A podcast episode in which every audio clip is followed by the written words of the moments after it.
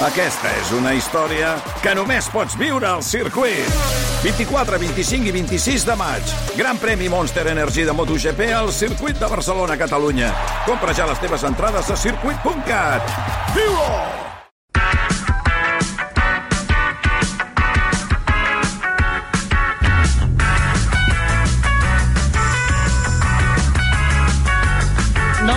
Perquè, perquè anem tardíssim. Avui el no s'ha parlat prou. Què tal, Carles Fitell, Lucía Ramis, com esteu? Molt Bona bé, nit. tu, què tal? Molt bones. Jo bé, bé, aquí de, de tornada. Avui readaptant-me una mica a l'ambient de, de l'estudi. Però, en fi, molt contenta de, de trobar-vos avui i de que m'expliqueu de què no s'ha parlat prou aquests dies, que no he estat per aquí. A veure, Mira. vol començar, Lucía, tu sí, mateixa? mm, divendres va ser el dia del solter, que és un d'aquells dies que s'inventen per vendre coses que no necessites. ara vindrà de seguida el Black Friday, també, la setmana que ve. Vull Exacte. Dir Hi va haver molts articles sobre el tema eh, i la bibliotecària Marta Cava se'n va fer ressò a Twitter mm, d'un d'aquests articles que va publicar VilaWeb i es titulava Taxa single, el preu de ser solter en un món pensat per parelles. Ah, sí, sí, sí. Llavors ho he estat discutint amb un amic eh, aquest cap de setmana i, com que no m'ha arribat a cap conclusió, porto el debat aquí. A veure...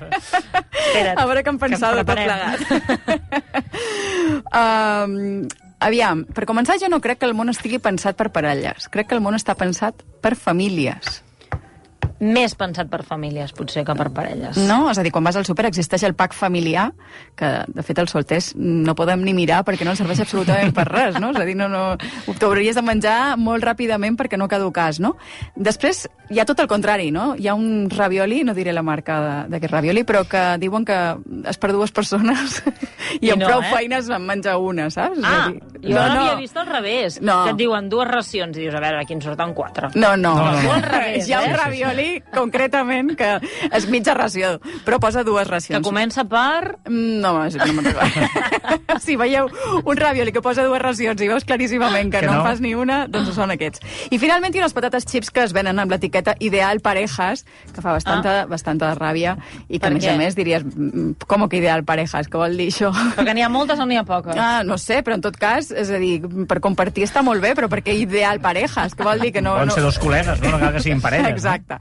Bé, però centrem-nos en l'article del VilaWeb. Diu que l'any 2011 el 60,6% dels catalans eren casats i que avui aquesta proporció és d'un 44,4%. Ha baixat moltíssim. I a més, eh, aquells que es declaren solters són el 30%, que és la xifra més alta d'ençà que s'entenen En 11 anys ha baixat registres. moltíssim, eh? Sí. Um, clar, és que per ser solter a Catalunya tu has de poder permetre Això és l'altre. és molt car. Per començar, com resols el tema de l'habitatge, que és un dels problemes més importants de, de tots els catalans i del món sencer, i és la font principal de despesa de gairebé tothom. I en el cas dels solters, aquesta proporció dels ingressos que s'hi destinen en- és molt més alta, atès que eh, has de fer front tot sol. Mira quina musiqueta. Com si solter fos dolent, tio. és que així... És que tot- jo tot totes les es teves gestiona, no? interpretacions... És tristesa. Estàs, estàs de- demostrant una tristesa de...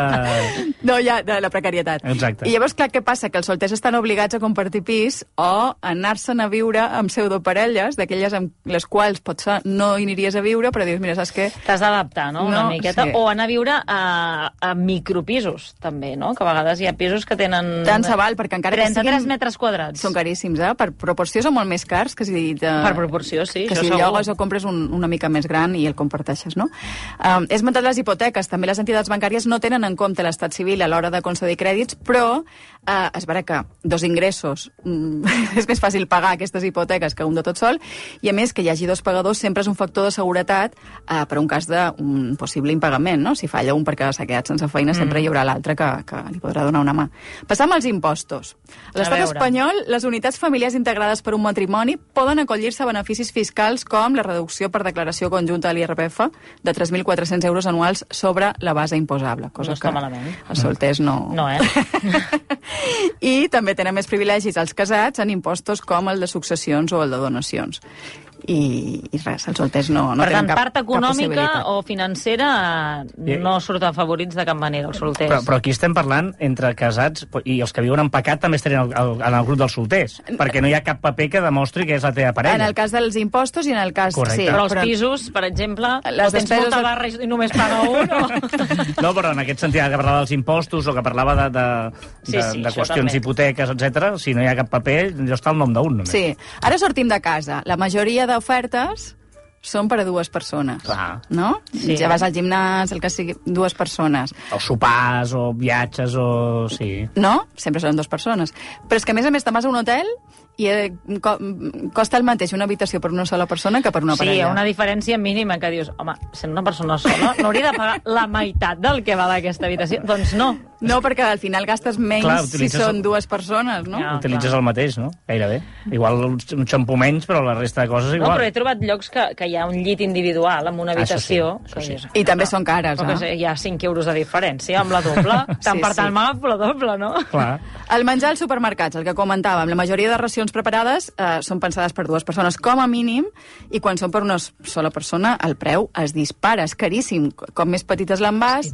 Clar, la discussió que tenia, que tenia amb el meu amic me deia, bé, mm, si ets una persona tota sola te'n vas a, a comprar la, les coses pel dia. Dius, ja, sí, fantàstic, no? O sigui, cada dia has d'anar a fer la compra per allò que te menjaràs aquell dia i no pots emmagatzemar tantes, tants Jo quan productes vivia sol ho frescos. feia així, eh? Anava dia a dia, perquè si no acabava llançant menjar. A mi em caducava tot. Quan vivia sol em caducava tot, perquè a més a més, quan ets solter també tens més eh, tarannà a improvisar, aquest dia no et quedes a casa, Sí. qualsevol planta Sí, apuntes sí. i tot, llavors aquella previsió dius, no, aquesta setmana menjaré a casa. La mare El- porta un tàper, llavors ja et desquadra tota la nevera. No, no, que la meva és de Mallorca, m'he quedat molt en fora. No, però és vera, estava pensant en una cançó de Senyor Chinarro, que és mm, la lletra d'una cançó que diu eh, Cuando vivo solo, solo leo fechas de caducidad. No, és, és que és així, és que és així. Només he de dir que m'ha cridat l'atenció des de fa uns anys que hi ha una coneguda marca de caldos que sí que fa la, la ració individual. Ah, Ah. sí. És a dir, perquè a mi em passava que a vegades doncs, comprava el d'un... Ara no sé si és un litre o un litre i mig. Allò es fa un, malbé. li- un litre. Tota Allò, l'estona. O, o menges caldo cada dia seguit per dinar i per sopar, Aquest o és es el fa tema. malbé. Una cosa és la caducitat i l'altra és quan obres, jo què sé, el típic pot de mantega, per exemple. Per, per, allò, clar, la mantega, tu no... no, no... Has de ser constant, no? De dir, Exacte, has has de menjar-ne cada dia. O la llet. La llet, els que només prenem llet amb, amb el cafè amb llet al matí, Clar. uf, és complicat arribar al gastar tot final el de, d'allò, del sí, sí. no? A veure, què més? Uh, més inconvenients i dels això, solters. Companyies telefòniques també fan ofertes per, dos, per dues persones. Um, però clar, aquest seria el debat. Hi ha moltes variables que aquest article... No... També hi ha una altra, una altra dada que m'ha cridat molt l'atenció en aquest article, que és que els solters, de tot el que guanyen al mes, bueno, de l'any, el, només, o sigui, ho gasten el 92%, que és un 9% més Mhm. que els que viuen en parella. És a dir, en parella estalvies més que solter. més. Sí. Jo no conto aquí. Aquí està, No és aquí està el debat. Aquí està el debat. No, jo... Sobretot a l'inici, no? Perquè potser quan, quan comences a, a sortir amb algú que dius, però un moment, a veure, jo això eh, no gastava tant abans, no? Perquè, no, anem a prendre alguna cosa, anem a sopar, anem a És que- dinar, és- és anem que aquí, un- anem allà... Un per l'altre, clar, depèn de la parella que tinguis. Jo tinc una parella que és com jo, que, un par, que el dia que jo penso, avui va, i l'altre tira, i el dia que ella d'allò, jo tiro, no? Diguéssim, també... Clar. La qüestió és no estar a casa, que no et caigui la casa a sobre. No? Sempre et diu, no et caurà la casa a sobre, no. A més a més, a, A vegades m'ho diuen. t'adaptes no, a l'estil de vida que tingui l'altre i potser té uns gustos més cars que els teus i per tant tu també t'adaptes Ah, a llavors això. que pagui l'altre. Home, Igualment, tu acabaràs pagant també per un, per un costat, no? I al final... Però de tota manera, ho he estat pensant molt i crec que sí, crec que de tota manera els solters sempre acaben pagant més per això que dic, que per l'habitatge i, i per, i per les factures, sobretot, eh, que és molt difícil que, que, que, que es pugui arribar a un, a un preu que estigui una mica ajustat a lo que són els nostres sous actualment, no? Solució, tenir parella? No. Començar a pensar el món per persones totes soles, que cada vegada n'hi haurà més, no? No sé, eh? no sé si, te, si algú t'estarà escoltant avui i et començarà a fer cas de, de fer ofertes per solters, sí, tenir però... parella, si, no, si l'encertes, no és mala opció. Oh, Carai, tu. tu, no, és que Ai. això, va, això és... Aquí hi ha quedat un, un missatge aquí. L'hauries d'haver sentit fa un any i mig, eh? és que això... Hi ha dos i mitja, tres. Ah, bueno, això. Ha perdut el compte, la Llucia. Va, en fi, conclusió, que ser solter surt car i la vostra elecció ja és si preferiu tenir parella o, o continuar pagant més. També doncs. és vera que està mal acompanyat mm, no Surt molt car, no surt a també. compte. Surt Això també, No surt a compte.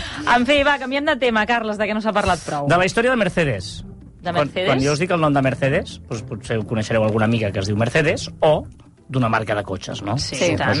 I no us heu preguntat mai per què es diu Mercedes, la marca de cotxes? Jo sí. Mercedes-Benz, Per alguna noia? sí, però per començar no es diu eh, Mercedes-Benz, la noia, no? Perquè podia semblar no, que Mercedes-Benz fos un nom i un cognom. No, però és veritat que eh, pel que deies del nom, no, la gent si diu tinc un Mercedes, no diu tinc un Mercedes-Benz, no? Ah. Vull dir que s'ha quedat com el nom de... Exacte, i no és Mercedes. ni familiar, ni amic, ni res dels fundadors de Mercedes-Benz. Ah, carai. A veure, explica'ns-ho. Per, per cert, que a, a la, la marca, jo he flipat perquè hi ha, hi ha una... Um, rànquing de les 100 millors global brands del món. Uh -huh. Sabríeu quin és el top 10 de... de a, a, a, això per triar-ho fan rendiment financer dels productes o serveis de marca, paper de la marca en el procés de decisió de compra i fortalesa en l'obtenció de futurs beneficis. És a dir, que tinguis diners, que en puguis aconseguir molts i que la gent tingui en compte la marca a l'hora de comprar. Doncs en aquest rànquing, uh -huh. el número 1, segons aquest d'allò, és Apple. Ah, mira, anava a dir, Apple deu ser una d'aquestes, no?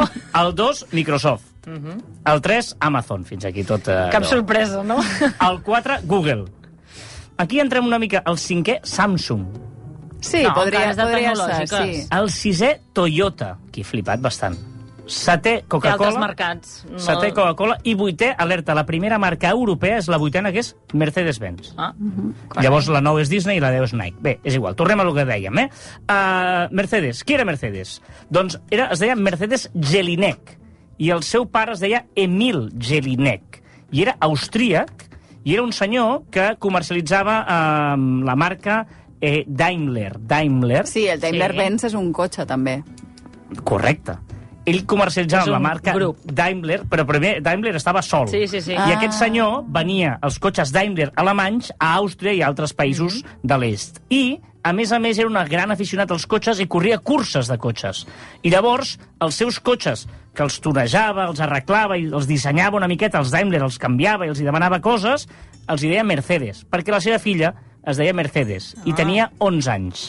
I un d'aquests Mercedes ho va patar l'any 1901, imagineu-vos si fa temps que estem parlant, en una cursa a Nissa que va arribar a 60 km per hora. I era com, uau, a 60 km per hora. 1, gairebé. Brutal, i va aconseguir, hi havia unes especificacions tècniques, aquest senyor va fer que l'eix fos més baix, que no sé què, una sèrie de coses, que va aconseguir patés, i que de fet va començar uh, l'era Mercedes, es va dir, perquè era com, oh, els cotxes Mercedes d'aquest senyor eren molt xulos. La marca Daimler es va ajuntar amb la marca Benz, per això deu-lo de Daimler-Benz. Sí. Però Daimler-Benz no era un nom gaire comercial, i li van dir Mercedes-Benz. Mm. És a dir, la marca Daimler va agafar-se, apropiar-se dels cotxes que feia servir aquest senyor, que es deia Mercedes. Jo ara voldré saber si l'autora Elfriede Jelinek, que és l'autora de, de la pianista, és família de tota aquesta gent. Aquí ja no hi arribo. Sempre es posa deures, eh, la Llucia? Jo puc dir que aquesta senyora, la, la, la pobra Mercedes, eh, va morir aviat. No va, no va arribar a complir els 40 anys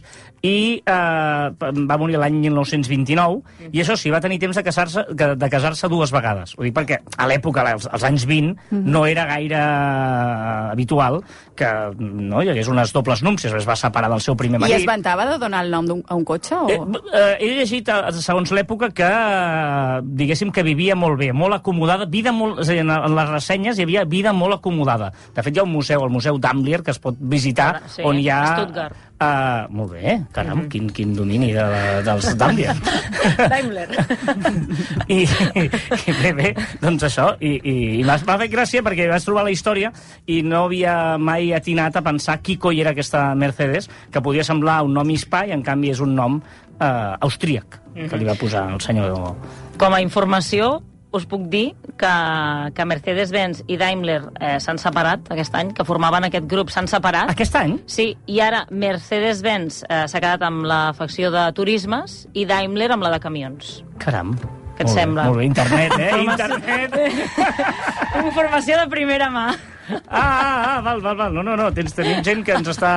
Que ens està donant aquí perfecte, informació. Perfecte, Jo m'havia quedat amb el nom de Mercedes, però m'agrada que actualitzem un F5 Sí, al sí, moment sí. actual que viu a la mi em sonava, la això que s'havien separat, però ara, mira, he tingut la, la confirmació directa que, que s'han separat. Però bé, ens ha servit per saber d'on ve el nom de, de Mercedes, que jo sí que tenia una certa idea que venia del nom de- d'una dona, però no sabia la, la història exacta i el malaurat final de la, de la Mercedes, no?, que, Sí, sí, va, que va morir als 40 anys. Correcte. En fi, Carles, Llucia, moltes gràcies. Llucia, ja t'has apuntat els deures de Sí. cara a la setmana que- d'aquí 15 dies, si la Mercedes tenia a veure Amb el pianista. cognom Amb el Frida Jelinek. amb el pianista.